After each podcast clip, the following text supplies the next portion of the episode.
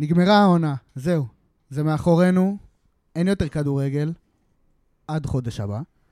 ואנחנו כאן כדי לסכם לכם את המחזור האחרון שהיה, אה, כולל כל מה שקרה מאז אה, גמרים וכולי, ולסכם את העונה, מצטייני העונה, הרכב העונה וכל מה שיוצא בכך. ואני רוצה להגיד שלום, איתי זלצר, מה נשמע? מה נשמע אביתר? עונה נפלאה הייתה לנו. עונה מצוינת. בן ענל, מה איתך? אני בסדר, עונה שכמיטב המסורת, משאירה טעם של עוד. ובהופעת בכורה בפודקאסט שלנו, אסף זלצר. עכשיו, כן, ערב- יש קשר משפחתי. הגרסה הגדולה והמוצלחת יותר של איתי נמצאת איתנו כאן. אכן אני פה, ערב טוב. אהלן. ו- חבל שהפרמייר ליג נגמרה, אבל אה, בסדר, מחכים לעוד עונה.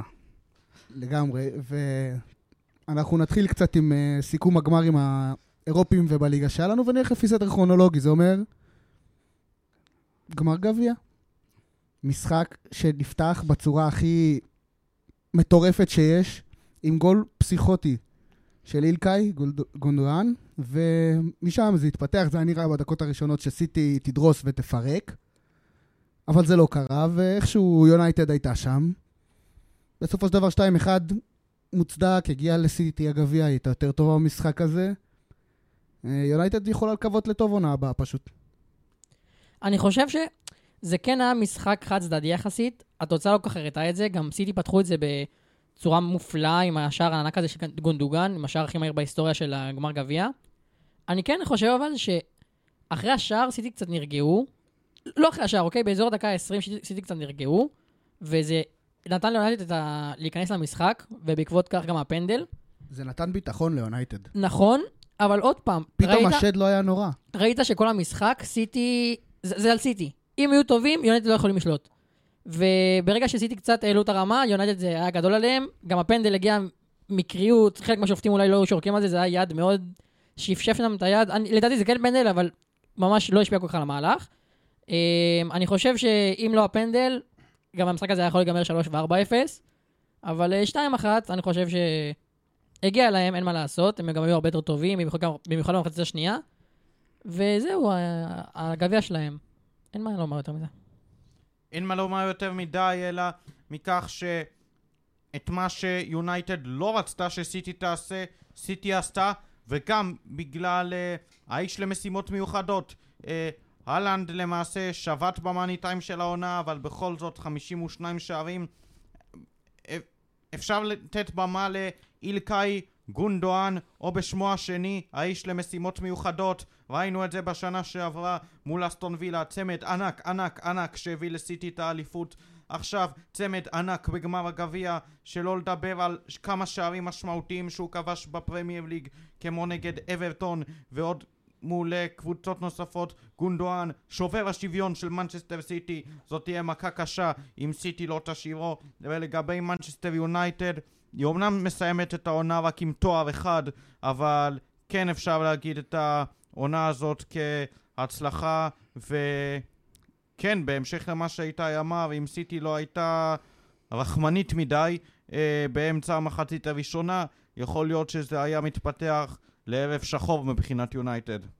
טוב, אה, אני בתור אוהד יונייטד, האמת שזה היה לי די צפוי שיונייטד תפסיד במשחק הזה, לא ציפיתי למשהו אחר. הסגל של סיטי הרבה יותר גדול ונוצץ מזה של יונייטד, גם הם הראו את זה במגרש. אה, אומנם, כמו שאיתי אמר, באמת אה, התוצאה לכאורה הייתה צמודה, 2-1, אבל מבחינת מה שקרה למגרש, סיטי שלטה בהרבה, וזה היה עניין של זמן גם עד שהם יפקיעו את השלישי והרביעי, אם המשחק היה נמשך עוד אה, כמה דקות. אני חושב שלגבי מה שבן אמר, לגבי גונדוגן, אם הוא עוזב את סיטי, זה יהיה אכזבה גם עבורו וגם עבור סיטי. זה לדעתי סיווג משמיים, וגנדוגן בכל קבוצה אחרת יצליח פחות, בין אם זה ברצלונה, בין אם זה ערב הסעודית, או לא משנה לאן הוא רוצה ללכת. אני חושב שסיטי זה המקום המושלם בשבילו, במיוחד עכשיו עם המעמד הגבוה שיש לו שם. וגם אני לא רואה שעכשיו אם הוא נשאר שם, הוא יאבד את המקום בהרכב, כי הוא הכוכב שלהם, כרגע לפחות במשחקי הסיום של העונה. הוא המנהיג שלהם, הוא הקפטן שלהם, ואני חושב שהוא צריך, אחרי עונה כזאת מופלאה, הוא צריך להמשיך, לא לעזוב. חייב להישאר, גונדואן, אני, אם, הי, אם, זה, אם הייתם שואלים אותי מה גונדואן היה עושה, אני הייתי אומר חד וחלק, או לסיים את הקריירה במנצ'סטר סיטי, או להאריך חוזה לשתי עונות נוספות לפחות. מגיע לגונדואן להמשיך את הכבוד הזה, וראינו את זה במשחקים האחרונים. אי אפשר היה להוציא את גונדואן מהרכב, גם הוא וגם רודרי, פשוט וואו, מה שפפו גוארדיולה עושה לשחקנים. הם מגיעים כשחקנים, או כשחקנים... אה, סטנדרטיים, או כשחקנים שמתאוששים מפציעות. אנחנו רואים את זה עם גונדואן, אקנג'י ורודרי, ואת אקנג'י פפ הפך לבלם יציב וחשוב בהרכב של סיטי, ואת גונדואן ורודרי פפ הפך ל... כמו שאיתי אמר, זיווג משמיים. בסופו של דבר יש קבוצה אחת שהיא הייתה מעל, מעל כל הליגה הזאת במצטבר, וזאת סיטי. היא יוצאת עם שלושה תארים, תכף, ממש תכף נגיע לשלישי, שהוא החשוב והגדול באמת, אבל באמת... בשעה טובה אפשר לומר. אפשר לומר, כן, זה, זה היה צריך להגיע מתישהו, אבל עוד קצת על יונייטד, שפשוט הייתה צריכה... היה חסר לה את הגרוש ללירה. עוד פעם, זה הרגיש כי המעט אה, חוסר, אה, אני לא רוצה להגיד חוסר יכולת, כי זה לא נכון, אבל הטיפה, חסר טיפה ליונייטד, והשאלה אם הם יצליחו להביא את החלוץ הזה שישלים להם את הטיפה הזאת, או שאנחנו נראה את יונייטד ככה תחת טן האח, מסיימת בטופ 4, מגיעה לליגת אלופות, אבל לא יותר מזה. אני לא חושב שטן האח יסכים לזה לקרות. טן האח הוא מאמן של תארים, טן האח הוא מאמן שעבורו, הוא, הוא מביא את האמונה ליונייטד, הוא יודע מה זה יונייטד בליגה האנגלית. הוא יודע שאם הוא יהיה שם עוד שנתיים-שלוש, ויונייטד לא יזכה באליפות, מבחינתו זה יהיה אכזבה כמו שיהיה אכזבה לאוהדים. גם אם יסיימו כל עונה במקום השני, זה יהיה להם אכזבה. כי הוא יודע מה זה מנצ'סטר יונייטד, מה זה ההצלחה של מנצ'סטר יונייטד בליגה האנגלית, כמה היא חשובה לליגה האנגלית וכמה האוהדים צריכים את האליפות הזאת. אז אני כן חושב שהוא יביא את החלוץ שהוא צריך, בין אם זה יהיה אוסימן, קיין, אפילו חלוץ צעיר מאטלנטה שמדברים עליו, אבל אני, אני לא רואה אותם מצליחים בלי חלוץ. הם צריכים את החלוץ, הם צריכים מספר 9, כי רשוורד כמספר 9 הוא טוב, אבל הם צריכים עוד מישהו לידו. רשוורד צריך ללכת הצידה, ראית שמרסיאל שיחק כולה מספיק טוב, גם הוא היה פצוע רוב העונה. הם חייבים את המספר 9, ואם הוא יגיע, אני חושב שזה כמו שהביאו בלמים והקבוצה השתנתה לגמרי, ככה כשהביאו חלוץ, אני חושב שהם יעלו עוד שני מדרגות קדימה. ו... נכון, סיטי לקחה את אה, ליגת אלופות, אבל לפניה, ווסטהאם עשתה היסטוריה, ותואר אירופי ראשון מאז 1965 אה, לדעתי, זה, זה היה איפשהו שם. לוקחת את הקונפרנס ליג עם אה, שער סופר דרמטי בדקה ה-90 של בוהן, ו... ואי אפשר להגיד שזה לא... זה לא בעצם משרת את המטרה של המפעל. שקבוצות שהן דרג אה, שני או שלישי בליגה שלהן, שלא מצליחות להגיע לליגת אלופות ולליגה אירופית ואין להן באמת סיכוי שם, פשוט עושות את ההצלחה במפעל קצת פחות נחשב, אבל עדיין עושות הצלחה אירופית ועדיין יכולות להביא את התארים, וזה בדיוק מה שקרה לווסטהאם. משהו שהאוהדים שלהם לא חשבו שהם יחוו בחיים, זה תואר אירופי, תואר לכל דבר. בדיוק, ונפל עליהם תואר, ולא רק זה, הם סיימו במקום 14, ועכשיו הם יהיו בליגה האירופית עונה הבאה. דרג ראשון. כן, כן, ברור, דרג ראשון, שלב בתים, ליגה אירופית, משם יש להם לאן להתקדם, יכולים לעשות שמינית רבע, אי אפשר לדעת. זה מושך עוד שחקנים, כי גם אתה משחק בפרמייר ליג, וגם אתה באירופה, וגם אתה בקבוצה שבאמת יש לה את הפוטנציאל, גם עם בסיס אוהדים והכל, להגיע בעתיד להיות קצת יותר גדולה ולהיות אה, בטופ, אה, בטופ 6, כמו שהייתה פעם, אה, והייתה יודעת להגיע לשם ולקחת את המקומות האלה. ויש באמת אה, בסיס שם להצלחה, ואין, אי אפשר לזלזל בחשיבות של הגמר הזה. אי אפשר להוריד לרגע ממה שהגמר הזה נתן להם. זה באמת אה, מטורף לחשוב כמה תואר כביכול נחשב שולי במפעל קטן. לא, לא באמת, אה, כאילו, מה זה לא באמת? הוא משפיע בצורה כזאת קיצונית. אני לא חושב שאני מוריד מהתואר, אני יותר מוריד מהמפעל. כי גם ווסטהאם הייתה מגיעה לגמר ולא זוכה, זה נחשב אכזבה, אוקיי? זאת נחשבת אכזבה. ברגע שהם זכו בתואר, נכון שזה עכשיו הצלחה והם שמחים מאוד שהם הגיעו לקונפרנס, רק בגלל התואר, רק בגלל... אם הם לא מגיעים עד לתואר, אז כל דבר שם היה אכזבה. אבל, אני כן חושב לגבי זה שהם היו במקום 14 עכשיו בליגה האירופית, אני בטוח בזה אפילו, שאם לא היו בקונפרנס, הם היו מגיעים לליגה האירופית עוד מהליגה. אז אני לא חושב לא... שזה הפתרון הגדול ש... אני... עובדה גם שלפני שנתיים הם הגיעו לליגה האירופית והגיעו לחצי גמר, ולא היה להם את הקונפרנס. אז אני כן חושב בגלל הקונפרנס הם סיימו במקום 14, ובלי הקונפרנס הם עדיין יכולים להגיע לליגה האירופית מהליגה, כן יפה תואר אירופי, יפה שיש להם תואר, לא יודע עד כמה, עוד פעם. זה מפריע לי המפעל הזה לקבוצות האנגליות. אולי לקבוצות האנגליות אתה צודק, זה באמת אה, כביכול פחות טוב, אבל על הנייר כשאתה מסתכל על ווסטהאם, יש לה סיכוי אמיתי, אלא אם כן היא בעונת שיא אמיתית, לזכות בליגה האירופית? כן. אם היא לא בעונת שיא, שהיא, שהיא גם טופ 6 וגם, אין לה סיכוי לזכות בליגה האירופית, כי יש שם קבוצות יותר חזקות ממנה. אם נגיד היא הייתה ביכולת שהיא משחקת העונה, היא לא הייתה עוברת את החצי גמר בליגה האירופית במקסימום, ואני גם חושב שלרבע היא לא מגיעה, או לא עוברת. זאת הנקודה, אתה, יש לך מפעל שלוקח את הקבוצות דרג ב'-ג' האלה, של, של היבשת, של המדינה, ונותן להם את ההזדמנות בכלל להביא תואר אירופי. זה משהו שלא קורה להרבה קבוצות בלי קשר. ארסנל ב- לא הביאה תואר אירופי, אלוהים יודע. אה, כל מיני, צ'לסי, אם, לא הליגת אלופות עכשיו, בזמן האחרון אה, שהיא לקחה לפני שנתיים, גם הייתה יכול לספור שנים. לא צריך ללכת כזה אחורה, יונייטד. יונייטד, אתה, אתה מבין? קבוצות שאם לא הקונפרנס, אם הן לא גדולות, הן לא זוכות בליגת אלופות, לא יזכו באף תואר אירופי, נתנו להם את הקונפרנס. אוקיי? וזה נותן, זה נותן, גם זה, וגם אם אני עכשיו יוצא קצת מהמבט הזה, יש את המבט של הכדורגל באופן כללי, ואם אתה עכשיו מסתכל על שאר המדינות שמתחרות בקונפרנס, גם אפילו ישראל, יש פוטנציאל בישראל לרבע גמר קונפרנס, אוקיי? ואחת משלושת הגדולות שלנו. יכולות, פוטנציאלית אפילו יותר. הן מסוגלות להגיע בגלל הגרלות קלות ודירוגים. אתה יכול להגיד לי שבאותה מידה יש את הסיכוי הזה ל- ל- בליגה אירופית? מה פתאום? אבל זה נותן את הלגיטימציה לקבוצות שהן קצת פחות חזקות, כן לעשות את זה בסופו של דבר, וזה מה שיפה במפעל הזה מבחינתי.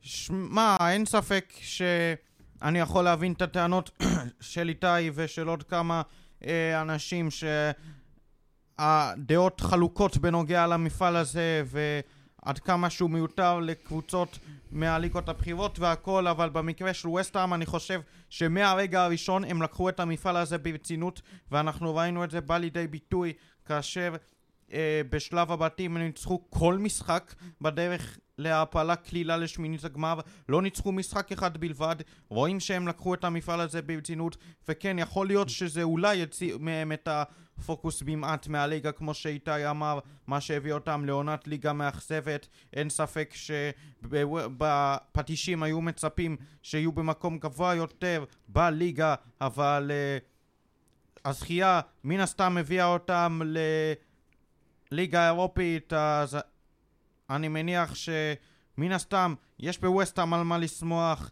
אה, הם עשו את זה, ואולי המפעל הזה יכול להיות אה, מפעל מעורב מחלוקת, אבל עבור קבוצה כמו ווסטהאם, שכמו שאביתר אמר, לא יכולה להגיע לליגה האירופית ולליגת האלופות דרך הליגה, היא יכולה לעשות את זה דרך הקונפרנס. שמע, אני חושב דווקא שהליגה, הקונפרנס הזה, הגביע החדש הזה, זה דווקא כן אה, מפעל טוב שנוצר, כי לקבוצות כמו אסטם, שרוב הקבוצות שמשחקות בקונפרנס, קבוצות שהן קטנות מרוב הקבוצות שמשחקות בליגה. ורוב הסיכויים אולי שהם לא היו מגיע, מצליחים להגיע ל...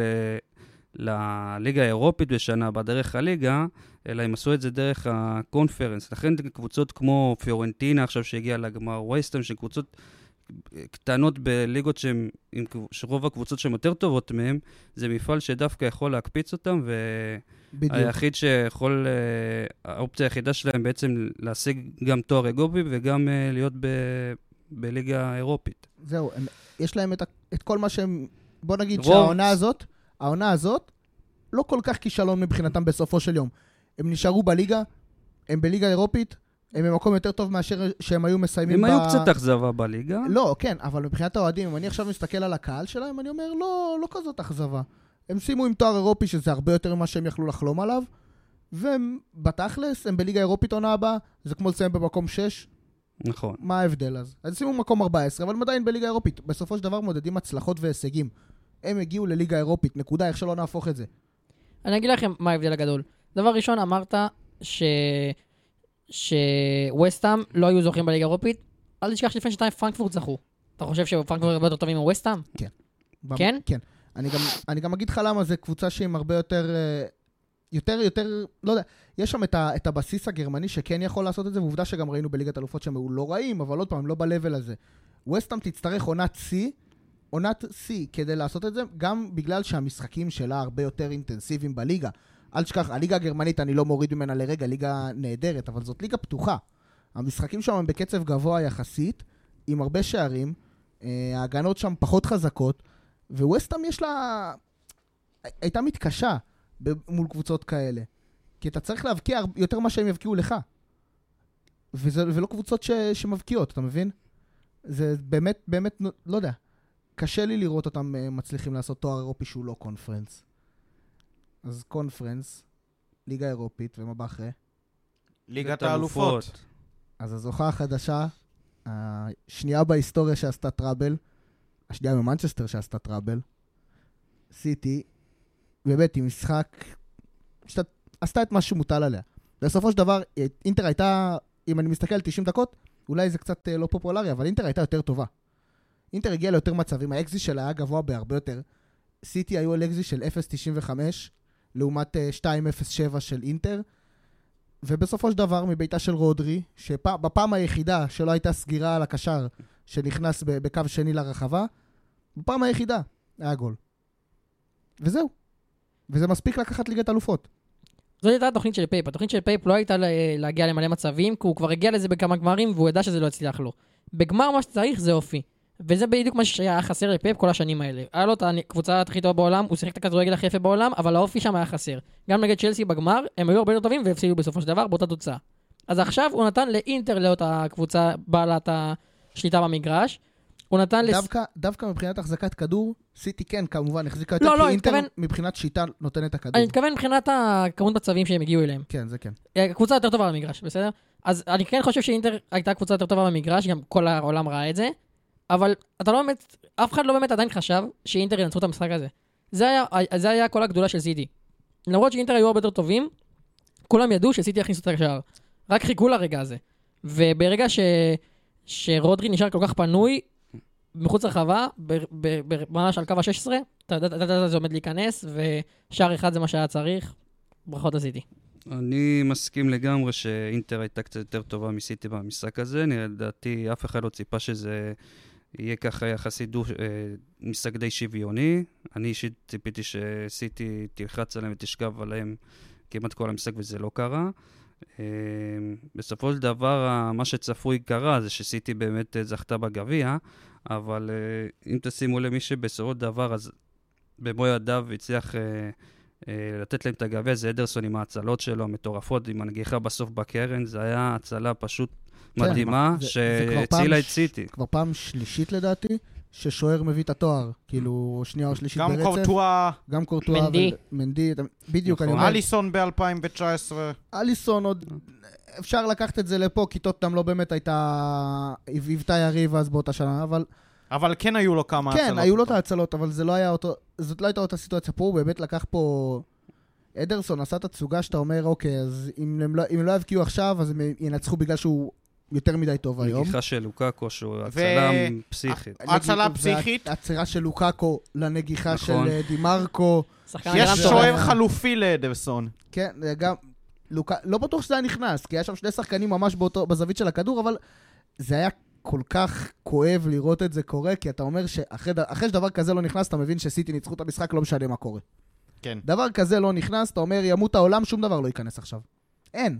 מה ייכנס? אם זה לא נכנס, ועוד מצב, ועוד נגיחה, ובשנייה האחרונה, הנגיחה שם, שאדרסון אה, הדף שוב ממש בשנייה האחרונה, וכל המצבים, ו...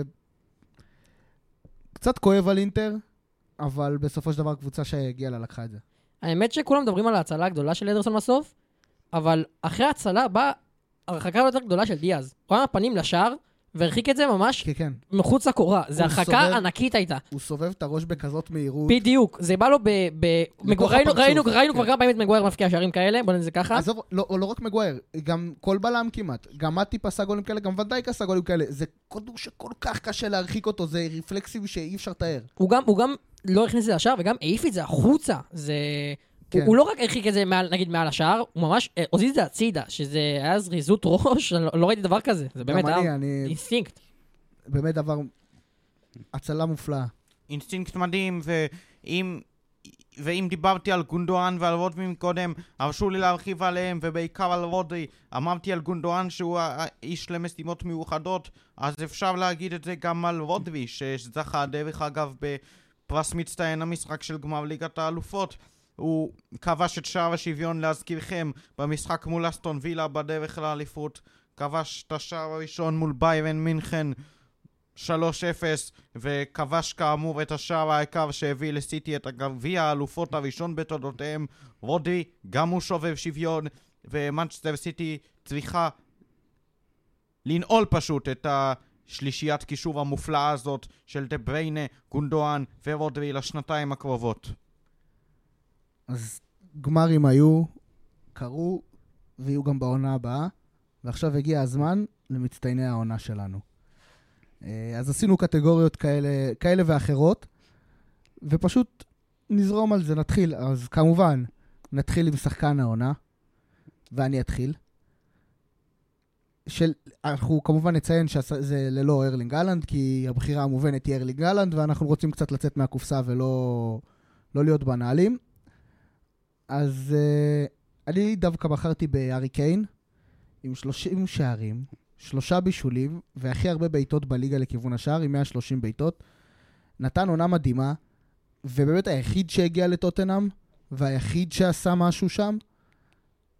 ומגיע לו, בוא נגיד שאם לא אהלנד, כנראה שהוא השחקן המצטיין של העונה, אלא אם כן איזה אה, מישהו מארסנל הנותן את התפוקת, אה, שערים מטורפת. אבל הוא באמת נתן פה תצוגה מדהימה, הגיע לו כדור, כאילו, כדור הזהב, או איך שאנחנו קוראים לזה, מצטיין, הכובש המצטיין של הליגה, אה, וכל הדברים האלה. הגיע לו פשוט ה...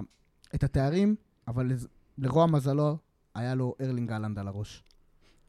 השחקן המצטיין שלי הוא דה בריינה, כמובן ללא הולאנד, כי הוא כבר כמה שנים בטופ, הוא כבר כמה שנים הקשר הטוב בעולם, לא רק בפרמייר בעולם. הוא לדעתי אחד משלושת הקשרים הטובים בהיסטוריה. הכמות בישולים שלו, העונה הייתה מטורפת, כמו כל עונה בעצם. הראיית משחק שלו והחוכמת משחק שלו, אנשים אומרים שהם לא ראו דברים כאלה, כולל גוורדיולה. הוא תמיד השחקן המוביל של סיטי, והוא ואלנד זה צמד חמד מטורף. יותר אפילו מקיין וסון שהיה להם עונה מטורפת, שניהם ביחד, צמד קלטני שזכה בכל תור אפשרי העונה. צמד קטלני, ואני גם כן בוחר את uh, דה בריינה לשחקן העונה שלי, אם לא ארלינג הולאנד, וזה נכון שדה בריינה מן הסתם בשנים האחרונות מתמחה יותר בבישולים מאשר משערים, אבל כל בישול או כל שער של דה בריינה שווה זהב. פשוט ככה, דה בריינה והמשחק שלפי דעתי מביא את הבחירה שלי בדה בריינה אל שחקן הצמד הענק מול ארסנל בדרך לארבע אחת. דה בריינה פשוט חגג על התותחנים, עשה את מה שהוא רצה, כבש גם שער באמירויות, וההופעות הנהדרות שלו במשחקים הישירים זו הסיבה העיקרית בעיניי שאני בוחר את דה בריינה לשחקן העונה. זכייה בכדור הזהב? כנראה שלא, אבל אה, אה, אין ספק שהוא כובש את אוהדי סיטי כבר שנה שמינית ברציפות. אז אה, שחקן העונה שלי זה גם ארי קיין, כמו שאתה בחרת אביתר. נקודת האור היחידה בעונה החשוכה הזאת של אה, טוטנאם, 30 שערים, זה לא משהו שבא ברגל, זה לא משהו שהוא מובן מאליו. אה, וזה עוד יותר קשה לעשות תפוקה כזאת שהקבוצה שלך לא במצב טוב, לא במומנטום טוב, ואתה די סוחב את הקבוצה לבד על הגב, וחבל לצערו ולצערי האוהדים של טוטנה וטוטנאם עצמם, שזה לא עזר להם להגיע לטופ 4, אבל זה למה אני בוחר בו כשחקן המצטיין, חוץ מהולאנד. שלא לדבר על הטופ 7 אפילו. אפילו לא טופ 7, כן. נכון. למרות עונה, אולי עונת שיא שלו בקריירה של הארי קיין. ובאסה לו, באמת באסה לו שארלינג הולאנד נמצא, כי הגיע לו לקחת את מלך שערים, הגיע לו להיות, אה, להיחשב כאחד החלוצים הגדולים שהיו באופן כללי, וגם העונה. אבל הוא קצת אה, נעלם בצל של, אה, של הכישלון של טוטנאם ושל ארי קיין, של אהלנד, אה, סליחה. ונעבור לקטגוריה הבאה שלנו, לרגע העונה. אז כל אחד בחר את הרגע המרגש, רגע העונה משלו, באיזה מובן שהוא רואה. ואני הלכתי על uh, בובי פרמינו מבקיע פעם אחרונה מול הקופ, פעם אחרונה אחרי תשע שנים בערך במועדון. Uh, מרגש uh, כשאין דברים כאלה, לראות אותו מבקיע, no look goal, האופייני שלו. ואנחנו נתראה. בעתיד, אני בטוח. אני לקחתי את הרגע כמשחק, וזה המשחק הניצחון 3-1 של סיטי באמרויות על ארסנל. כי לדעתי זה היה רגע מפנה בעונה. אני, עדיין סיטי לא, לא עברו את ארסנל באותו משחק, אבל באותו רגע ארסנל ידעו שהם לא לבד. באותו רגע ארסנל חששו למעמדם, הם ידעו שסיטי תגיע לשם בסופו של דבר. בסופו של דבר גם כל העולם ידע את זה. זה היה ניצחון ששינה את המומנטום של שתי הקבוצות, בגלל שהוא היה באמצע העונה. ואחרי המשחק הזה כבר ראינו לאן הליגה הולכת. ארסנל קרסו בסוף, וסיטי זכו בכל תואר אפשרי. וסיטי זכו בכל תואר אפשרי, והרגע העונה שלי הולך דווקא לכיוון ניוקאסל. ניוקאסל, אין ספק, הפתעת העונה, אה, הביאה את ליגת האלופות בזכות ולא בחסד, וכולם אומרים שהמשחק מול טוטנאם אכן הביא קרש קפיצה לטופ 4, אבל מבחינתי, רגע העונה שלי הוא של ניוקאסל, הניצחון 2-0, תסלחו לי איתי ואסף, על מנצ'סטר יונייטד, זה מבחינתי היה המשחק ש... מבחינתי סימל את העונה של ניוקאסל שהם יכולים לעשות את זה ולהגיע לטופ 4. נכון שהמשחק מול טוטנאם קיבע את העובדה הזאת, אבל המשחק מול יונייטד הראה עד כמה ה Magpies של אדי האו שעשה עבודה פשוט פנטסטית ראויים לטופ 4 ויהיה מעניין לראות את העבודה שלהם בליגת האלופות וב transfer market. רגע העונה שלי זה בעצם אה, התיקו בין ליברפול לארסנל בסיבוב השני באנפילד, שארסנל הגיעה בשיא, היא הובילה גם, נראה, אם אני לא טועה, 2-0. 2-0 במחצית הראשונה, אם אני לא תוך טועה כמה אפילו. דקות ממש. זה היה חצי תוך שעה. חצי כן, שעה. נכון, והם... זה הרגיש שהשלוש ו-4-0 הולכים uh, להתקרב, ובמחצית השנייה הם התחילו לסג, לסגת לאחור, ליברפול התחילה להשתלט על המשחק, הפקיעה את ה... צימקה את זה ל-2-1, ואז ה-2-2 כבר, זה היה ברור שזה יקרה, ולדעתי התיקו הזה, זה. זה בעצם נקודת המפנה המשמעותית בעונה הזאת, שגרם לסיטי בסופו של דבר uh, לעבור את ארסנל, כי גם אחרי התיקו הזה הביטחון שלה התערער, ו... אה, איזה רצף של אה, כמה משחקים ללא ניצחון, ובסופו של דבר אה, זה מה שגרם אה, בסופו של דבר לאפקט הדומינו הזה, אה, שלא הצליחה לנצח כמה משחקים ברצף. אז נעבור לקטגוריה הבאה שלנו, וזה משחק העונה. עכשיו, היו המון משחקים גדולים העונה, אבל רק אחד באמת התעלה מעל כולם, וזה כמובן, לדעתי, ה-7-0 של ליברפול על יונייטד, בגלל כל היריבות, בגלל כל מה שקורה מאחורי זה. לתת 7-0 בין שתי קבוצות טופ, זה לא דבר שקורה, לא בכושר של ליברפול הייתה, לא בכושר של יונייטד הייתה, וגם כשזה היה הפוך, וליברפול הייתה בטופ, השיא היה 4 או 5, וגם זה היה נחשב השפלה של אה, מוות מבחינת אוהדי יונייטד. ואז הגיע ה-7-0 הבאמת לא מחויב למציאות הזה, וזה רגע העונה מבחינתי, כי זה משחק העונה מבחינתי, כי פשוט אין, אין אופציה שהמשחק הזה הוא לא יהיה שם. גם אם uh, היו עוד משחקים גדולים. האמת, אביתר תופתע, אבל אני בחרתי את אותו דבר.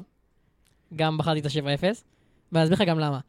אם אני מסתכל עוד חמש שנים ויגידו לי איזה משחק אני זוכר משנת 22-23, זה יהיה 7-0. זה יהיה המשחק הזכור של, של, ה- של העונה הזאת.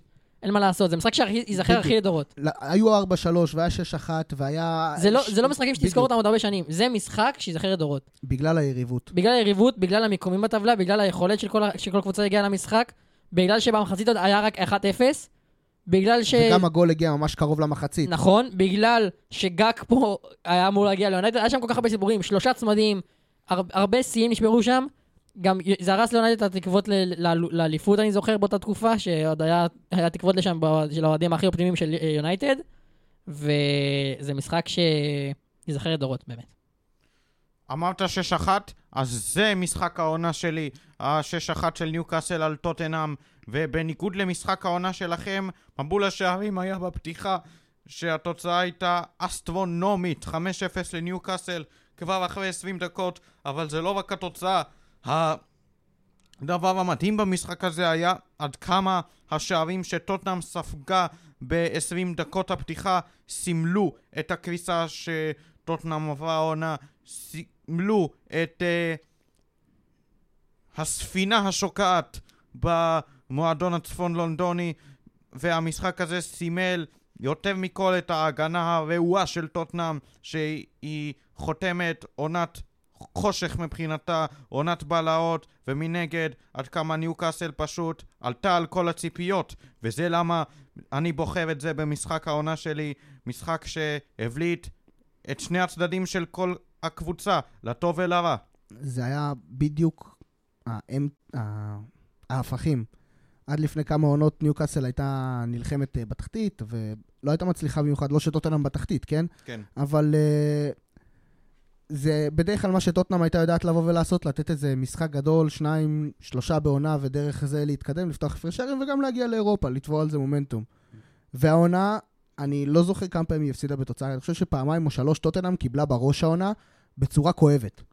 היה גם כואבת. 4-1 משפיל מלסטר היורדת. 4-1 והיה 5-1 גם, היו עוד, היו עוד הרבה תוצאות, היו הפסדים מביכים, וזה למה ההפך, ניוקאסל לקחה את עצמה ומניפה את עצמה למעלה.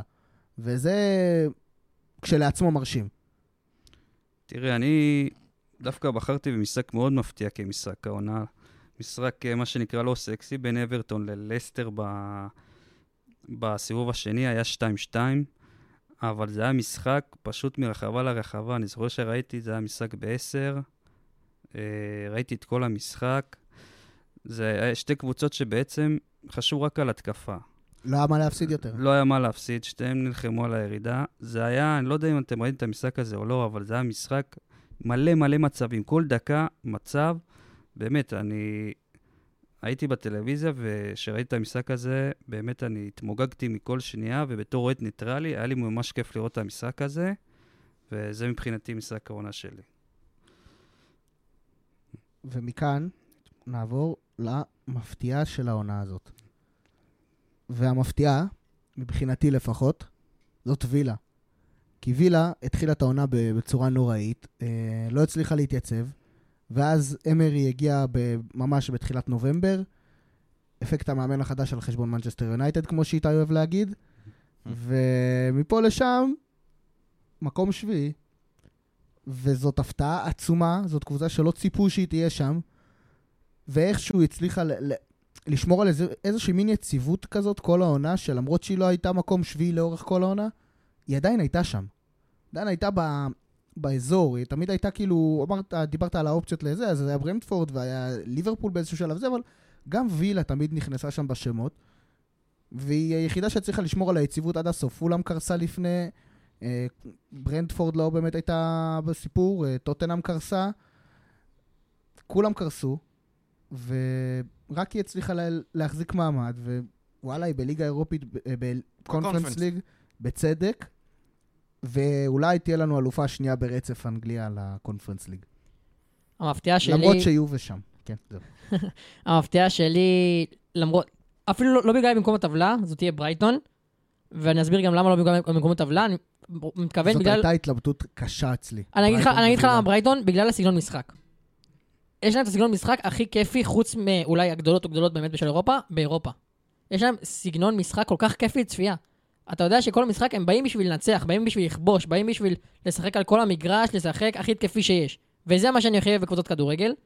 גם המיקום כמובן שהם הגיעו פעם ראשונה לאירופה מוסיף על העונה הזאת. אני גם חושב... במקום שישי בצדק. נכון, אני גם חושב שבין כל הקבוצות המפתיעות של העונה, את ברייטון זאת הקבוצה שאני הכי רואה יכולה להתקדם מפה. לעוד חמש שנים אני רואה את ברייטון נשארת באותו דבר.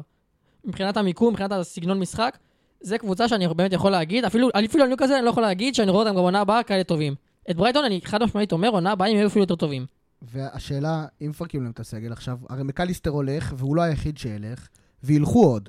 ילכו. זה כל הגדולה של ברייטון, הם לא מסתמכים על שחקן אחד. אין בעיה, אבל עד עכשיו הם לא, הם לא חוו כזאת הצלחה גדולה שירצו לפרק להם את הסגל. אז היה הולך שחקן אחד, אוקיי, משמעותי ככל שהוא יהיה, יהיה לו מחליף. בשביל זה באו דאוד ארבעה- ומילנר. כן, אבל שלושה, ארבעה, מחל... חמישה שחקנים שילכו, אי אפשר לדעת מה יהיה בחלון הזה.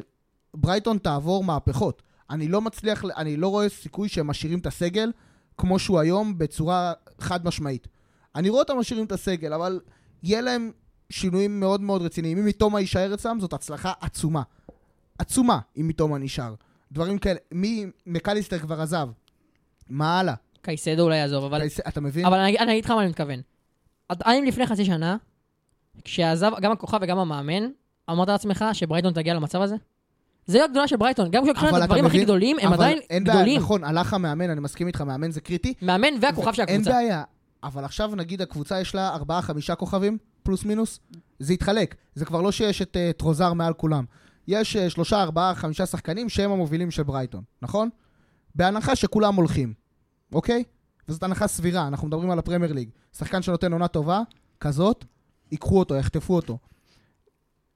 מי, מי מבטיח לך שיהיה להם uh, תחלופות יותר טובות? או, או שוות ערך, ושזה יתחבר כמו שזה יתחבר עכשיו, אתה מבין? יש פה, יש פה קיץ uh, קריטי מאוד לברייטון. מאוד נכון, מאוד אבל מה קריטי. שמבטיח לי את זה הסגנון ניהולי של ברייטון. הם מתנהלים שם בצורה כל כך נכונה, יש להם לכל שחקן שם ארבעה וחמישה, ארבעה וחמישה מחליפים, שבגלל זה אני אומר, הם גם מביאים שחקנים בני 19 אפילו מפרגוואי, שעוד מעט תבינו על מי מדבר, שהופך להיות הכוכב הכי גדול עכשיו, ב... בין 19 הכי גדול בפרמייר ליג. אז יש להם את הסקאוטים באמת מהטובים בעולם, ההנהלה שם עובדת בצורה נהדרת, ובגלל זה אני בטוח שברייטון שם בשביל להישאר. אין ספק, עבודה מדהימה עושים שם בברייטון, ואתם תופתעו לשמוע את מה שאני אומר עכשיו. לא חשבתי שאף אחד מכם ישמע את מה שאני הולך להגיד עכשיו, אבל כן, מבחינתי, נוטינגאם פורסט היא מפתיעת העונה שלי, ואני אגיד לכם... היא גם הייתה בזה שלי ברשימה. קיצר, כל הקבוצות היו ברשימה שלך. לא, האמת שזאת השלישית וזהו, זאת האחרונה שהתלבטתי, זהו, באמת. ואני אגיד לכם למה. ברגע שאני ראיתי את נוטינגאם פורסט מחתימה עוד שחקן ועוד שחקן ועוד שחקן, כאילו, מבזבזת ממש בצורה קיצונית. אני כבר למדתי על, ממקרה עבר שזה לא זה. אצל פולאם נגיד בעונת 2018-2019, הם- זה פשוט לא זה. ירדה לי גם מהמקום האחרון, ואחרי שנוטינגאם, כמו שאמרתי, המשיכה במסע, ואחרי שאמרתי, וואו, כמה שחקנים היא מחתימה, למען השם, איך היא תצליח להתברג? מ- מדובר בשחקנים שכמעט ולא שיחקו אף פעם ביחד, אם בכלל.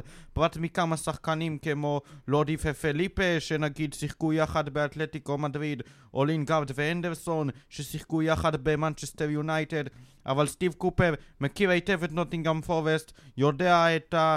את גודל המעמד, את ההיסטוריה של המועדון ואת החשיבות שלו, ולמרות שזאת הייתה קבוצה שלמה חדשה שלקח לה זמן להתחבר, פורסט התעלתה ברגעי האמת, והשיא של זה מבחינתי שהביא לניצחון להישארות בליגה, עם כל הכבוד לניצחון על ארסנל, זה הניצחון 3-1 על המפתיע של איתי, הניצחון שהראה נוטינגאם כאן כדי להישאר. נכון, אנדרה איוס שוחרר, והוא הראשון מתוך איזה חמישה עשרה לפחות שחקני רכש שיעזבו לפי דעתי, אבל uh, נוטינגאם לדעתי תרצה להישאר, ווואלה, שאפו, אני מוריד בפניהם את הכובע. אה, מפתיעת העונה שלי זה ניוקאסל, שלדעתי גם האוהדים הכי אופטימיים של ניוקאסל לא חשבו שהם אה, יהיו בליגת אלופות עונה הבאה.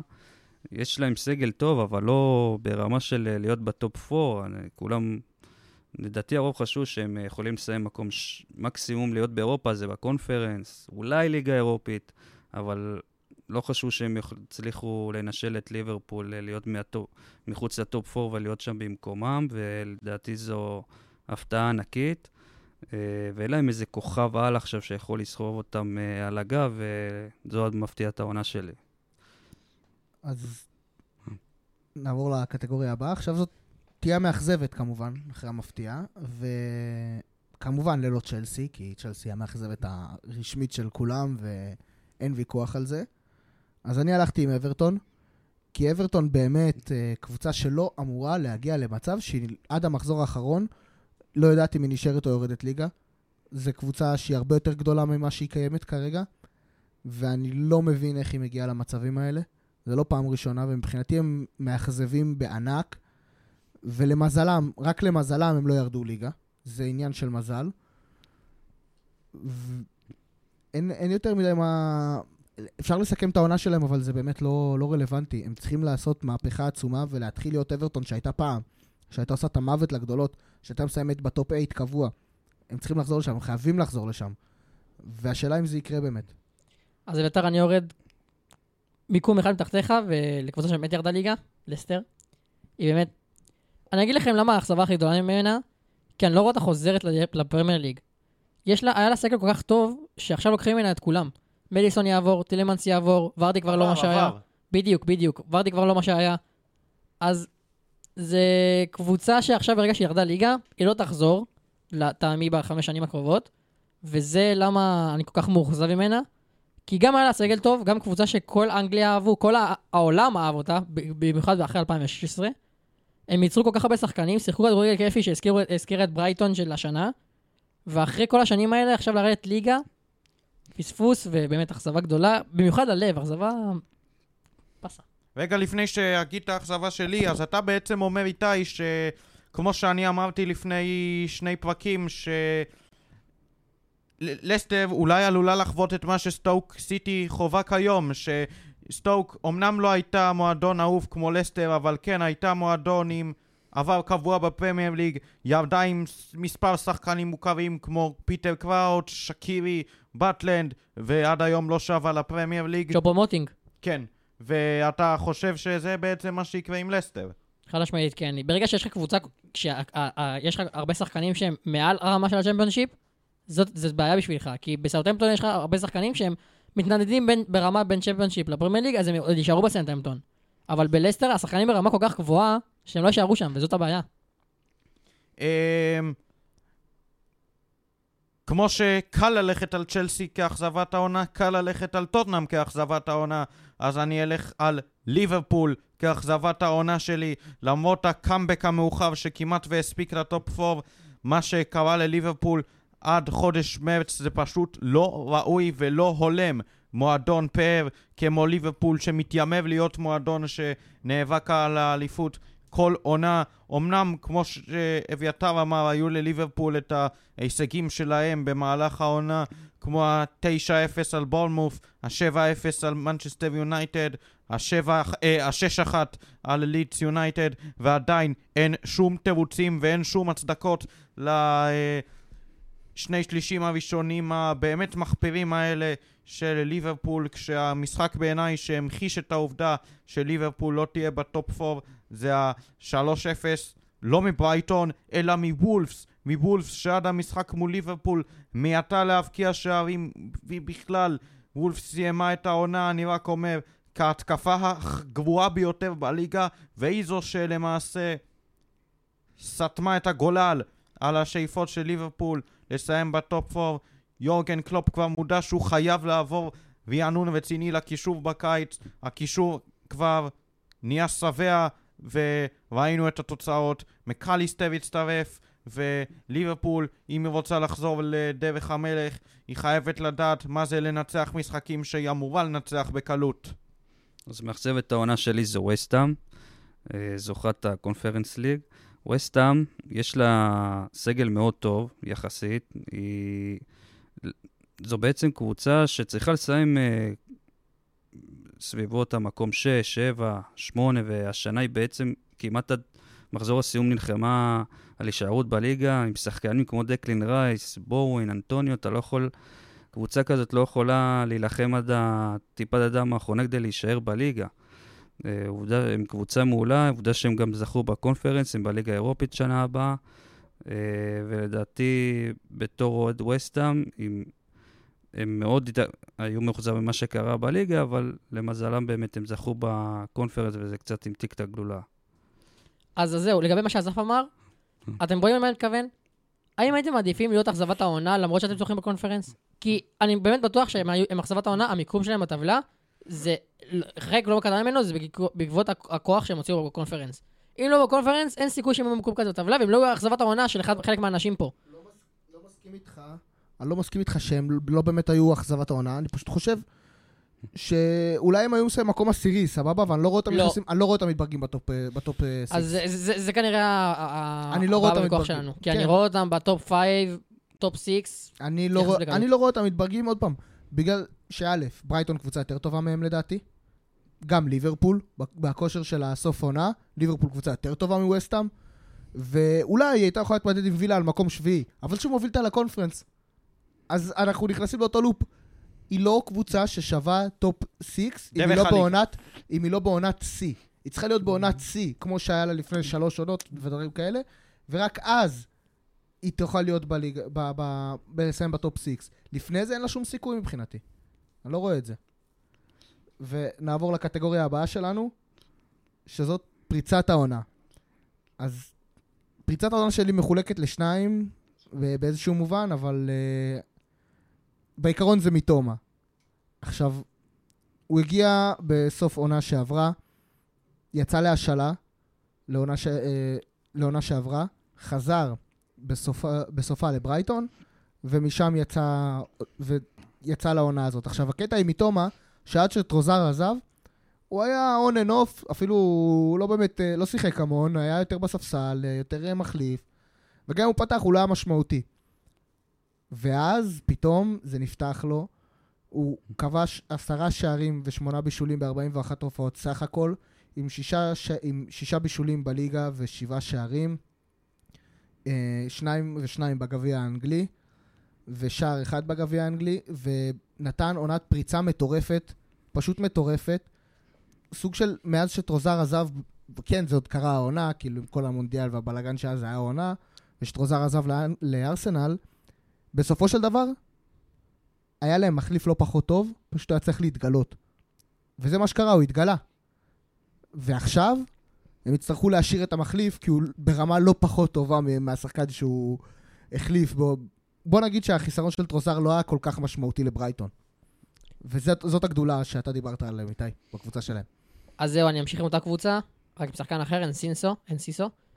הוא גם בן 19, עונה ראשונה שלו בפרמייר ליג, ארבעה שערים, שני בישולים, זכה בש... בשער העונה, נגד סיטי, משחק כל כך טוב, תמיד חושב התקפה, מפקיע הרבה, משחק, מגיע לכל כך הרבה מצבים. איזה שחקן בן 19 ועוד מפרגוואי עשה לאחרונה דבר כזה. הוא הבן עשרה הכי טוב לדעתי בפרמייר ליג, גם הכי טוב שהיה בשנים האחרונות, ומצפה לו עתיד ורוד מאוד. לא ולפרגוואי אם הוא ממשיך ככה. אז השחקן הבא שאני בו- בוחר הוא מבוגר טיפ-טיפה בכדי להיות פריצת העונה, אבל אחרי מה שהוא עשה העונה ואחרי תקופה קשה שהוא עבר בעונה הקודמת, אני נותן בצדק את התואר הזה לאבריצ'י איזה מקריסטל פלאס. איזה הגיע חם, לוהט, רותח, כל סופרלטיב שתרצו למחצית השנייה של העונה בפרמייר ליג והתוצאות בהתאם. כבש עשרה שערי ליגה פלוס ארבעה בישולים. ואם אמרתי תקופה קשה אז אגיד כי איזה? את העונה הקודמת. הוא שיחק רק 13 משחקים מתוכם שישה בהרכב הפותח בגלל פציעה קשה שעבר.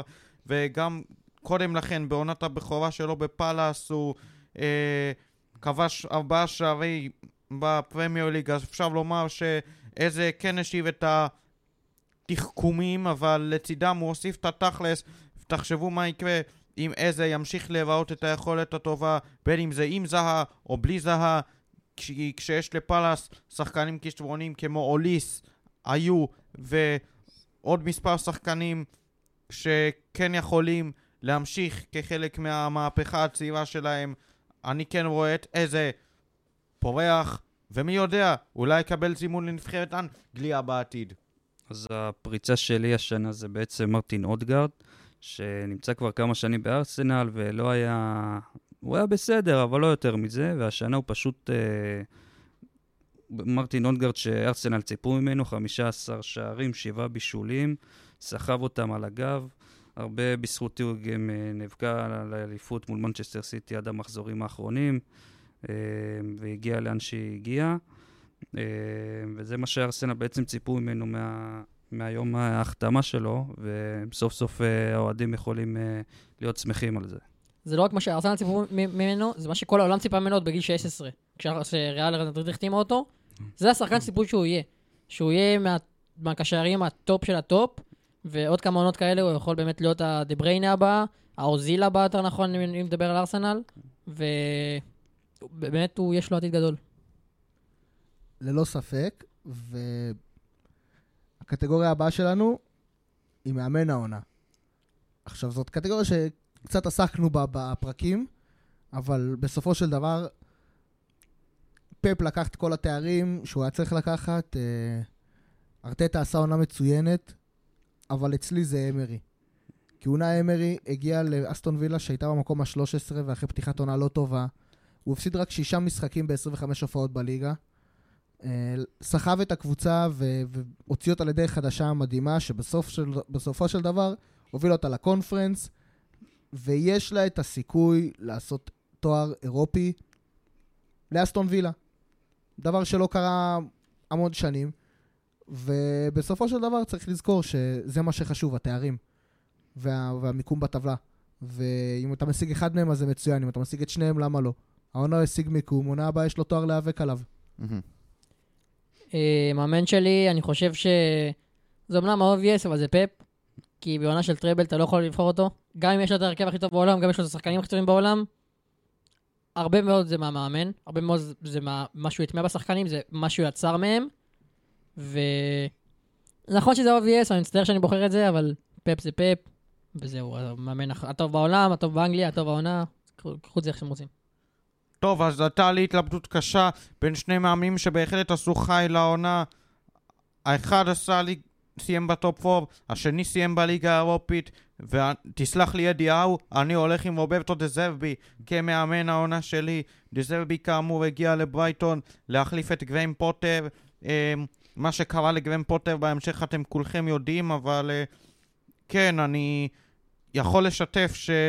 עשיתי שיחה עם אוהד ברייטון, כן, אוהד ברייטון בישראל, מסתבר שיש דבר כזה, והוא היה דווקא פסימי מהמינוי של אה, דזרבי לתפקיד, הוא חשש שברייטון תהיה יותר חשופה, יותר uh, מופקרת התקפית, גם התקפית, גם הגנתית, אבל ממש לא. ברייטון עשתה כדורגל שמח, שכמו שאתם אמרתם, היה תענוג לראות אותה.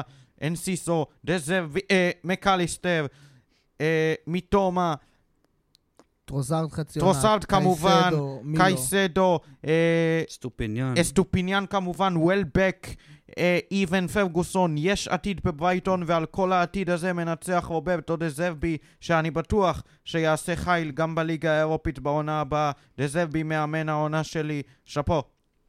עכשיו, מאמן העונה שלי הוא ארטטה, כי ארסנל בעצם פחות או יותר שמרה על אותו שלט כמו שנה שעברה, לא הביאו להם איזה שחקן על עכשיו שיסחוב את הקבוצה, או כמה שחקני שיסחבו את הקבוצה למעלה.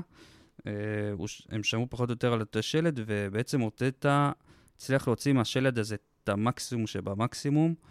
אה, ולא הרבה מאמנים היו מצליחים אה, להביא את ארסנל לאיפה שהיא סיימה, ולהתחרות בטח מול סיטי, שהקבוצה הכי גדולה בעולם היום, עד המחז... שתיים, שלושה מחזורים האחרונים על האליפות, ושאפו, כל הכבוד לו. רק לי זה מוזר שאף אחד לא בחר בידיעהו. אני חושב שזה פשוט מובן, כאילו, מה זה מובן? הם לקחו את הכסף, נכון? יש להם את הכסף ה- ש- ש- הקטרי או הסעודי, ואני חושב שלא להגיע לטופ 4 עם הכסף הזה ועם השחקנים שהם הביאו זה היה קצת כישלון. במיוחד- לא, לא מסכים. במיוחד, במיוחד בעונה הזאת, שליברפול, טוטנאם וצ'לסי קורסות ולא מצליחות לעשות את זה. תכלס, מי הייתה עדיפה עליהם שם? אני מסכים שאף אחד לא הייתה עדיפה. בעונה לא הזאת. ספציפית, בעונה הזאת ספציפית, זה כישלון. שמע, אני, הם לא היו עושים את אני אגיד האלופות, לך, בכל מקרה. זה פשוט כישלון. אני אגיד לך מה, אני לא בחרתי בעד יאו אלא בארטטה, כי כמו שאביתר אמר, הם קנו הרבה שחקנים שיכולים לשדרג אותם, וארסנל לא הביאו העונה איזה שחקנים אה, יוצאי דופן שיבואו וירימו את הקבוצה כמו שהביאו לניוקאסל, פחות או יותר, כמו שאמרתי, הם שמרו על אותו שלד. מה עם חסוס- חסוס וג'יצ'נקו?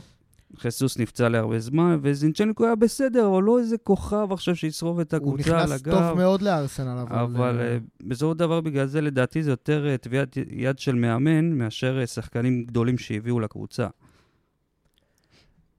והקטגוריה הבאה שלנו זה מנור סולומון, שהייתה פינה אהובה עלינו ב- בתחילת הפודקאסט הזה, לפני כמה פרקים, ומאז הוא לא באמת עשה הרבה, אז החלטנו לתת ציון לעונה של מנור, ואני אתחיל.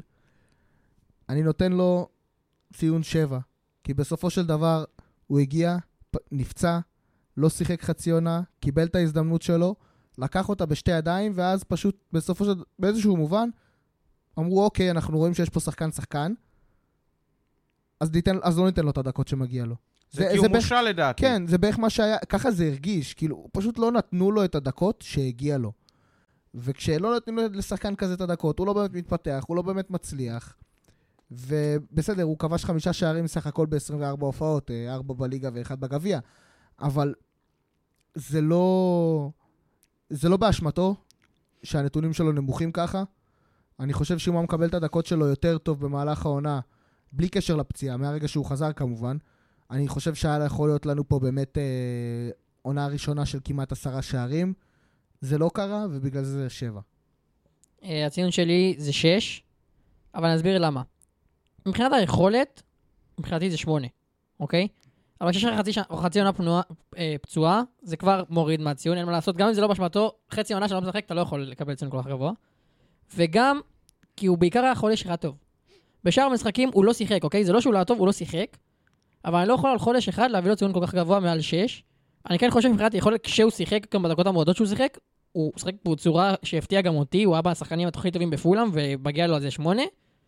אבל אם אני מסתכל על עונה כוללת, חודש אחד, חמישה שערים, זה מצוין, אבל זה לא מספיק לתוצאה גבוהה יותר מזה. בסדר, אני מפרגן לו, ישראלי הוא משלנו, תן לו. אני פרגנתי לו שבע.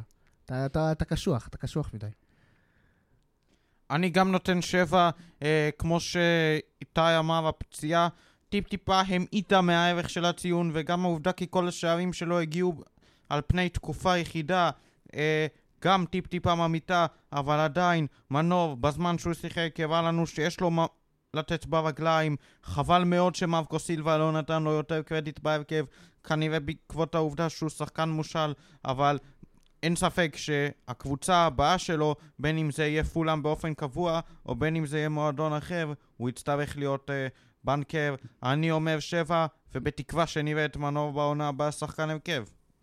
אז אני גם נותן שבע למנור, כי אתה רואה איתי, רק אתה קשוח. איתי קשוח מאוד, מכיר את זה הוא נולד. קשוח. אז uh, אני נתתי לו שבע, כי אומנם באמת, כמו שאיתי אמר, הוא היה פצוע ולא שיחק הרבה יחסית, אבל באמת בזמן שהוא שיחק, הוא פשוט... זה הרגיש לי כאילו הוא שנה-שנתיים כבר בליגה, זה לא מרגיש לי שהוא פעם ראשונה, הוא גם אה, משחק uh, בפרמייר, שזה הליגה הכי אינטנסיבית, הכי קשה בעולם. היה לו גם איזה רצף, אם אני לא טועה, של 4-5 משחקים ברצף שהוא הבקיע שערים. היה לי מוזר בס... לקראת סוף העונה שבאמת המאמן הושיב אותו לספסל וכמעט ולא שיחק איתו, כי הוא באמת הביא תפוקה טובה והיה הר... מעורב בהרבה מהלכים uh, של פולאם שהוא שיחק. Uh, קצת מבאס על זה שהוא לא שיחק uh, לקראת הסוף, אבל uh, לא, יחסית לעונה ראשונה, גם בחור מאוד צעיר, פעם ראשונה עוזב... Uh, Uh, פעם ראשונה, סליחה, משחק בעונה ראשונה בפרמייר ליג, בליגה הכי טובה בעולם, להיראות ככה, כל הכבוד לו. ונעבור לרגע הביזארי של העונה. אז מבחינתי זה הריב של קונטה וטוחל, שהתחיל מלחיצת יד אגרסיבית, לחיצת יד אגרסיבית, שפשוט, זה היה נראה כאילו טוחל לא משחרר את היד של קונטה, וקונטה ישר, כמו האיטלקי המשוגע שהוא רץ עם הראש לתוך הפרצוף שלו, והתחילו להתנגח שם ולעשות uh, הצגות על שום דבר וכלום, וזה פשוט הזוי ששני מאמנים כל כך בכירים בעולם עושים קצת צחוק מעצמם ורבים על שום דבר, זה היה פשוט ביזארי מבחינתי. הדבר הכי מצחיק בזה, שבאמת לא זכור שזה היה העונה, זה כבר משהו שאני הייתי בטוח שזה העונה שעברה. טוחל לא אימן לפני שלוש עונות את צ'לסי, משהו כזה? בדיוק, בדיוק, זה נראה כל כך ישן שכבר לא, לא הופתעתי האמת בטח לשמוע שזה העונה. שטוחל פוטר מצ'לסי בתחילת ספטמבר. העונה הזאת התחלקה לאיזה שבע עונות, זה היה מטורף, פשוט פסיכי. הרגע שלי זה אומנם לא בליגה, זה בגביע, אבל זה פולאם נגד יונייטד, השלושה הדומים שם שפולאם קיבלה. מיטרוביץ', וויליאן והמאמן. אני חושב שזו ההתפרקות של קבוצה הכי, הכי מהירה שראיתי, במיוחד שזה באנגליה, במיוחד שזה ברבע גמר. זו הייתה התפרקות, משהו שלא ראיתי דבר כזה, הם, הם הובילו עוד לפני, זה לא שהם היו פיגור, לא היה להם על מה לריב כל כך, ומיטרוביץ' פשוט איבד שם את העשתונות. וויליאן, אין מה לעשות, זה האדום שעליו אין מה לדבר. המאמן גם הת- התווסף לאובידרוביץ' ואיבד שם כל כך הרבה עשתונות. זה השפיע על פולאם גם בהמשך העונה, הרחקות למספר משחקים. ואם לא הרגע הזה, אני באמת חושב שפולאם היו יכולים להיות באירופה, היו יכולים גם להגיע לחצי גמר, אבל אה, הם איבדו את המנהיג. מציאות לחוד וזהו. הרגע הביזארי של העונה הוא דווקא אה, טעות שוער, ומדובר בטעות של דוד דחיה מול וסטאם, שוער ברמה שלו, אסור לו לעשות טעויות כאלה, וזה נכון שדחיה זכה ב... בכפפת הזהב של הפרמייר ליג. היו לו כמה משחקים טובים, אבל היו לו גם משחקים רעים, כשווסטהאם היה בין היתר ברשימה הזאת. דחיה עושה לא מעט טעויות פתטיות בשנים האחרונות וביזריות, כמו זו מול וסטהאם, שסייד בן רחמה אפשר לומר אפילו נתן פס רגיל כזה לעברו של דחיה, אה, שהוא אמור לקלוט בלי שום בעיה, אבל דחיה פשוט אה, ליטף את הכדור לרשת, ביזר אחד גדול, אה, זהו. אז uh, הרגע הביזארי שלי, uh, אה, זה בעצם, כמו שאמרת, אביתר, המכות בין אה, טוחל אה, לקונטה. זה באמת אה, מרגיש כאילו זה היה לפני איזה שנה, אבל לא, זה, הייתה, זה היה ממש בתחילת השנה, עוד לפני שהם פוטרו. אה, זה היה פשוט, אה, כמעט הלכו שם מכות. הרגשתי, כשראיתי את המריבות האלה, הרגשתי כאילו זה, אני רואה אה, אגרוף ולא כדורגל. זה רגע ששני המאמינים האלה צריכים להתבייש ב, ברגע הזה, ואני מקווה שלא יהיה לנו עוד רגעים כאלה בעונות הבאות. אז קטגוריה הבאה שלנו זה פלופ העונה. עכשיו, זאת קטגוריה מיוחדת, כי... אה, לא יודע, איך אפשר להגדיר מהו פלופ? אז אני הלכתי על מודריק, כי הבן אדם הגיע ב- בתור המושיע של צ'לסי בינואר באיזה 60 ומשהו מיליון אה, פאונד, וכבש שני שערים, אה, סליחה, בישל שני שערים, לא כבש בכלל ב-15 הופעות בליגה, ופשוט היה חלש, לא הזכיר את השחקן שהביאו, לא, היה, לא עשה כלום בשביל לעזור לצ'לסי, לא הצליח להביא את עצמו למצב שהוא עוזר לצ'לסי, וזאת ההגדרה לפלופ, בעצם. הפלופ שלי, אני אקח אותה מהאלופה, והרבה... מה שהכי... אוקיי, קודם כל נגיד קווין פיליפס, אוקיי? אני אסביר גם למה. גם הוא הגיע בסכום גבוה יחסית, בערך כ-50 מיליון, וגם כי ציפו ממנו הרבה יותר, הוא בקושי שיחק. זה זה- כי הוא נפצע. נכון, אבל זה שחקן שגם כשהוא לא היה פצוע, הוא לא פתח, לא קיבל כמעט דקות, שיחק 12 ש... משחקים כל העונה, הרוב כן נכנס למחליף, ומה שמבחינתי הוא הכי פלופ, מבחינתי מה שהופך אותו לפלופ, זה שאנשים שכחו שהוא קיים. אנשים שוכחים שהוא בסיטי. מודריק, אתה, אתה זוכר, אתה מאוכזב ממנו. פיליפס פשוט נעלם, אף אחד לא זוכר שהוא בסיטי. פפ לא היה צריך אותו, אז הוא... נכון, אבל אז למה הוא החתים אותו? 50 מיליון. הוא חשב שהוא... יש כישלונות, אין מה לעשות. אז בגלל זה הוא הפלופ שלי. בדיוק. זה, זה אפילו לא באשמתו, זה החתמה שהייתה סתמית. מראש זה היה כמעט חסר סיכוי להצלחה.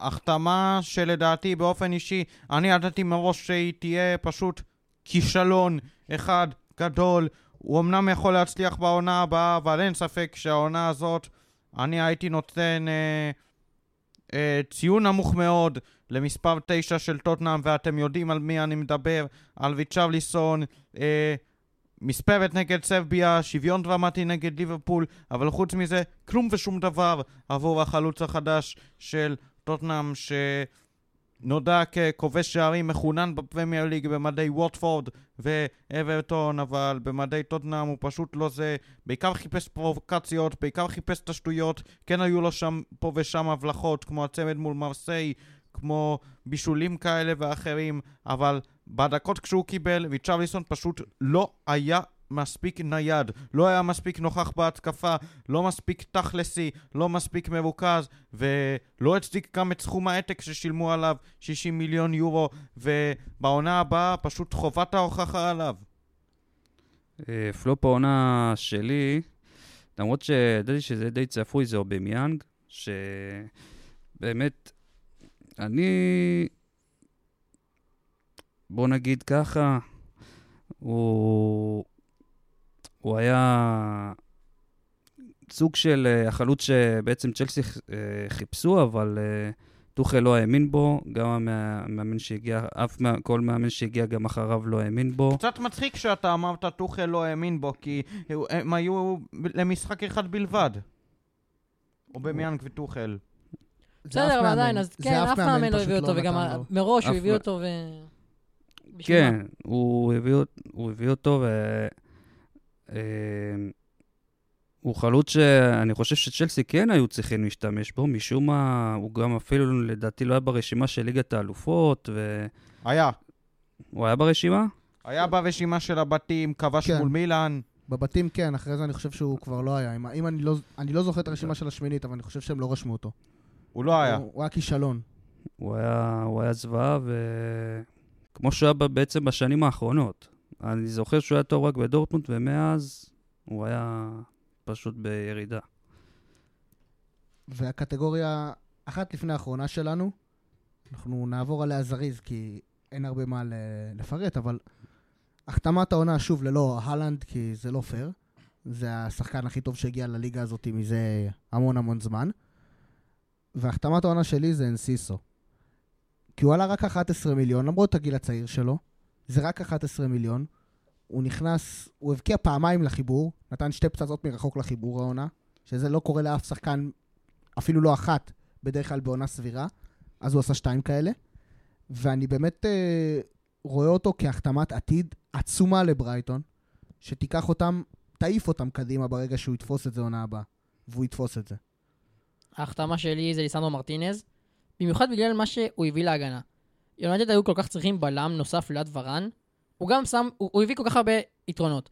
גם שם את מגויר בספסל, שזה מבחינתי היתרון הכי גדול. גם אחד הגורמים המשמעותיים לזה שדחיה עם הכי הרבה שערים נקיים בפרמייר ליג. גם הביא אופי אחר שהיה חסר ליונייטד. גם יחסית צעיר, גם מחיר לא מספיק גבוה, לא, לא גבוה כל כך. גם ווינר בנשמה, גם עכשיו אלוף העולם. אני חושב שההצבה שלו ליד ורן זה גם שילוב נהדר, במיוחד עם תנאך, שגם האמין בו ומכיר אותו עוד מהתקופה שלהם באייקס. וזו החתמה שתשאיר את ליסנדו מרטינז, זה גם שחקן שמחובר למועדון, והוא יישאר שם לדעתי עד אה, שיא הקריירה. ההחתמה שלי גם הגיעה ממנצ'סטר יונייטד, אבל הפעם קסמירו, אין ספק שקסמירו היה מסוג השחקנים שיונייטד הייתה חייבת להחתים. לדעתי, עם כל הכבוד לברונו וללסנדרו, קסמירו הוא אחד הרכשים הכי טובים by far של יונייטד מהרגע שפרגוסון פרש המנהיגות, הרצחנות והמחויבות של קסמירו הם אלו שהביאו אותו ליונייטד והוא גם התחיל להבקיע לא מעט שערים כמו שער דרמטי נגד צ'לסי, שער נגד ניוקאסל והנוכחות שלו והדינמיות שלו אחת מהסיבות המשמעותיות שיונייטד השתפרה בקישור העונה, וכמו שאיתי אמר בתחילת הפרק, היעד הבא, ההתקפה. אז uh, החתמת העונה שלי זה איזק מניוקאסל, השתלב uh, יפה, uh, השתלב טוב מאוד בפרמייר ליג, עשרה שערים, בישול אחד. הוא אחד הגורמים שניוקאסל הגיע גם uh, לליגת אלופות והצליחה להשתלב בטופ 4. Uh, והוא הוא תורם גם הרבה לחימה, חוץ מהשערים והבישולים שלו. הוא גם לוחם וגם, uh, אני זוכר שהיה לו אותם גם uh, גול מטורף שהוא עבר שם בצד מלא מלא מלא מלא שחקנים והבקיע, אני לא זוכר נגד מי זה, אז גם אברטון. יש לו כישרון, אז נגד אברטון אז יש לו גם כישרון מטורף, וזו החתמה בינגו של ניוקאסל. ונעבור לקטגוריה האחרונה שלנו, שהיא קאמבק העונה. אז קאמבק העונה שלי, סיטי מול טוטנאם 4-2, שטוטנאם הובילה 2-0, ומנצ'סטר סיטי פשוט הפכה בחצי שעה, קצת פחות, ל-4-2, וזה היה... עכשיו, ברור שסיטי תנצח, וזה... אבל העניין הוא שזה היה עוד כשטוטנאם היו טובים. טוטנאם היו אז מקום רביעי, סיטי היו מקום שני. אני באמת לא, לא, לא יודע, זה, זה לא משחק שאתה מצפה שהם יאבדו בו יתרון 2-0 ל-4-2. שם התחיל המשבר אצל טוטנאם האמיתי, ושם ראינו את ה... גדולה של סיטי בפעם המי יודע כמה. וזה הקאמבק הגדול שלי. אני לוקח את הקאמבק כקבוצה ולא כמשחק, וזה מה שהתחלת איתו, זה אסטון וילה. כי גם בגלל המיקום שהם היו בתחילת העונה, שהם היו במיקום, עמדו לרדת ליגה ועכשיו חזרו ל- לאירופה, וגם באופן כללי חזרה שלהם לאירופה. יש להם קאמבק לאירופה, שזה משהו שהרבה זמן לא היה לה שם, והם יכולים עכשיו גם לחזור לצמרת של הכדורגל, במיוחד עם ההחתמות שהם עושים עכשיו. ואסטון וילה טובה, זה טוב לכל אנגליה, ואני שמח שהם שם קבוצה באמת שכיף לראות אותה. אז הקאמבק שלי הוא קאמבק שהוא די מתחת לרדאר כזה, לא כל כך דיברו עליו לאורך העונה, ודי צר לי על כך, אבל זהו קאמבק הניצחון של בורנמוף 3-2 על נוטינגאם פורסט. בורנמוף, רבים חשבו שהיא תאבד ליגה, והחששות התגברו אחרי התשיעייה מליברפול. בטח כשסקוט... אני חושב, אני חושב שהמשחק הזה זה הקאמבק של העונה בפרמייר בטח כשסקוט פארקר פוטר, אבל אכן, בורנמוף, אה, מאז הפיטורים של סקוט פארקר ולמינויו של גרי או'ניל, פשוט התעוררה על החיים שלה, והמשחק נגד נוטינגאם אכן הראה שהיא רוצה פרמייר ליג, שהיא לא באה לעלות ולרדת, היא כאן כדי להישאר. תוצאת המחצית, כמו שאמרתי, 2-0 נוטינגאם, אבל בסוף אנטוני, סולנקה ובילינג, שהוא לדעתי שחקן העונה של בורנמוף, עשו מהפך יקר, אמ, ואני מצפה מאוד לראות מה יהיה איתם בקיץ, בטח אחרי שהם עשו ניצחונות יוקרתיים נוספים, כמו ליברפול וטוטנאם. אז uh, הקאמבק שלי זה בעצם uh, גם כקבוצה לא, לא משחק, אלא ארסנל, שסוף סוף אחרי הרבה שנים שהם אה, היו די פלופ והיו על הפנים, סוף סוף אה, חזרו לשחק, להיות ארסנל, כמו ארסנל של אה, לפני שני עשורים, שנלחמת על אליפות, שמשחק כדורגל אטרקטיבי, כדורגל יפה. קבוצה גדולה שבעצם אה, כולם אה, ידעו מי זאת ארסנל לפני אה, שני עשורים, וגם האוהדים שלהם סוף סוף אה, אה, חיכו שתגיע שנה כזאת, אה, אחרי הרבה זמן, והשנה הזאת הגיעה. חבל מבחינתם כמובן שזה לא יסתיים באליפות, אבל אולי שנה הבאה. ועכשיו, אחרי שסיימנו לבחור את מצטייני העונה, נרכיב כל אחד את הרכב העונה שלו, ואני אתחיל. אז בשער זה דוד ראיה, אה, מברנדפורד, נתן עונה מצוינת, הדף אה, 154 אה, כדורים, שזה הכי הרבה בפרמייר ליג. באמת מראה, מראה שיש עתיד בשער של ברנדפורד לפחות, עד שיחטפו אותו. כנראה יחטפו אותו בקרוב עם טוטנאם. כן, אבל תן להם לה- להאמין שהוא נשאר. בהגנה שמתי את אה, ג'ון סטונס, שזה בסדר, הגנה, קישור, תחליטו איפה שאתם רוצים, אבל ג'ון סטונס. טרנט אלכסנדר ארנולד, שזה גם בערך אותו דבר, אבל שניהם, טרנט על החצי עונה השנייה שלו בתור אה, קשר slash שחקן הגנה, אני חושב שאין יותר טוב ממנו בליגה. אה, הכדורים שהוא מכניס זה באמת טופ עולמי, וידענו את זה עליו תמיד, ועכשיו מהאמצע יש לו את היכולת לעשות את זה הרבה יותר בקלות. אה, רובן דיאז, כי... רובן דיאז, הוא שחקן מצוין. אה, בקישור, מרטין אודגרד נתן עונה מדהימה מבחינה אישית, חבל שזה נגמר בלי תואר. כמובן קווין דה בריינה, קזמירו שפשוט שלט במרכז של מנצ'סטר אה, יונייטד, ברונו, שנתן עונה נהדרת והכתיב את הטון ברוב שלבי העונה. וההתלבטות הייתה בין ברונו לבין רשפורד, כי זה היה כל כך קרוב, אבל uh, הלכתי עם ברונו, הוא היה יותר uh, דומיננטי. ובהתקפה יש לנו סאלח, לא צריך להגיד למה, כי הוא מוחמד סאלח והוא נותן מעורבות ב-32 שערים בליגה, משהו כזה, מקום שלישי. מטורף. הלנד כי הוא הלנד, וקיין כי הוא קיין. כי הם נתנו שני, שניהם נתנו עונות מטורפות, אז אין, אין יותר מדי הגדרות לזה. אה, זה ההרכב שלי, אני חושב שהם...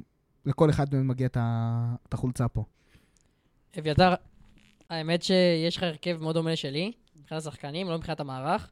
אני שמתי 4-3-3. אה, בשער אתם תופתעו כולם, אבל דחיה. כן, כן, דחיה. למרות כל הטעויות הגדולות שלו, אנשים שוכחים את כמות ההצלות המטורפות שרק הוא יכול להביא. יש לו הצלות ששערים זה, זה בטוחים. מתאזן. נכון.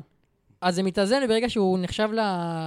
עם הכי פחות ספיגות, ב... כאילו, הכי הרבה שערים נקיים, לדעתי הוא יכול להיות שוער העונה. נכון, זה, זה גבולי, יכל להיות שם גם פופ, יכל להיות גם שם גם אדרסון, אבל הלכתי עם דה חאה. מגן ימני טריפייר, הביא עונת שיא בניוקאסל, לדעתי גם עכשיו הוא יהיה המגן הפותח, במיוחד אם אלכסנדר ארנולד יעבור לקישור, הוא יהיה המגן הפותח בנבחרת אנגליה. ובצדק, אגב. נכון. דיאז, כמוך, הבלם הטוב בעולם. הבלם שלי לצידו סליבה, שמאז שהוא נפצע ראינו כמה ארסנל הידרדרה, וכשהוא שיחק ראינו כמה ארסנל הייתה הרבה יותר טובה איתו. מגן שמאלי אסטופיניאן, היה נפלא בברייטון. המגן, גם התקפי, גם, גם התקפית, גם הגנתית, עשה הכל מהכל, ומתאים כמו, כמו כפפה ליד לברייטון. הקישור שלי מאוד בול כמו שלך. קסמירו אין מה להרחיב עליו, דה בריינה, דה בריינה. אודגרד עונת שיא שלו, באמת שחקן מצוין. ההתקפה שלי גם אותו דבר כמו שלך, סאלח, 30, ו- ש- באמת מעורב ב-30 ומשהו שערים, אהלנד אהלנד, קיין עונת שיא, השחקן השני הכי טוב אולי בפרמייר ליג, לפ- אה, הרבה ימים פה. הרכב עונה. טוב, אז השואב שאני בוחר בו הוא ניק פורפ מניוקאסל. אה, נכון, היה לו כרטיס אדום מול, ניוק, אה, מול ליברפול, אבל זה היה אחת מהטעויות הבודדות שהוא עשה לאורך העונה במדי אה, ניוקאסל. הגיע מברנלי לאחר שאיבד ליגה, אבל נכנס פשוט לכושר שיא. נכס, נכס, נכס. אין עוד מה להרחיב עליו. כך גם על קירן טריפייר, שהיה מאבות המזון, אפשר לקרוא לזה ככה, של המהפכה בניוקאסל כל הדרך מהתחתית אל ליגת האלופות. בהגנה הצמד על הבלמים שלי הם רובן דיאס, אה, כי זה דיאס, והפרטנר שלידו זה הוא ליסנדרו מרטינס ממנצ'סטר יונייטד, שיפר מאוד את ההגנה, וכמו שאני אמרתי, מרטינס משפר את ההגנה, קסמירו משפר את הקישור, ואוהדי מנצ'סטר יונייטד שואלים את עצמם מתי יבוא המושיע שישפר את ההתקפה. אמ, כרגע זה לא קורה, אבל ליסנדרו בהחלט הושיע את ההגנה, ועל זה מגיע לו כל הכבוד. אה, מגן שמאלי, אה, כן, הייתה לי התלבטות קשה בין מספר שחקנים, בין אסטופיניאן לבין עוד כמה שחקנים, אבל בסופו של דבר הבחירה שלי היא לא אה, הכי... אה, לא מדובר במגן מגן, אבל כן מדובר בשחקן שמתחבר למערך של אה, חצי הגנה, חצי התקפה, אז אני אלך על סולי מרץ' מברייטון, מרץ' שבניגוד לשנים קודמות אה, מגיע לכל העונה ולא רק לחודש מרץ האהוב עליו, אה, הוליך את ברייטון לעונת שיא, הסמל של ברייטון, שחקן בית, ייתן את הטון גם בליגה האירופית. קישור שלי, דה בריינה, שחקן שלא צריך להציג, אודגרד, שחקן שלא צריך להציג, קפטן, מנהיג ומחויב, היה נאמן לארסנל, ולצד אה, אודגרד ודה בריינה אני אצרף את מקליסטר, אלוף העולם מברייטון, נתן יופי של עונה, עבר לליברפול בזכות ובלא לא בחסד, בסכום מצחיק של 35 מיליון יורו, שווה לפחות 50, אולי אפילו 60, ואני לא יכול לחכות למקליסטר שייתן את הטון עם ליברפול בעונה הבאה, ושלישיית ההתקפה שלי היא כמובן הרוצח מנורבגיה, מלך השערים של נבחרת אנגליה בכל הזמנים.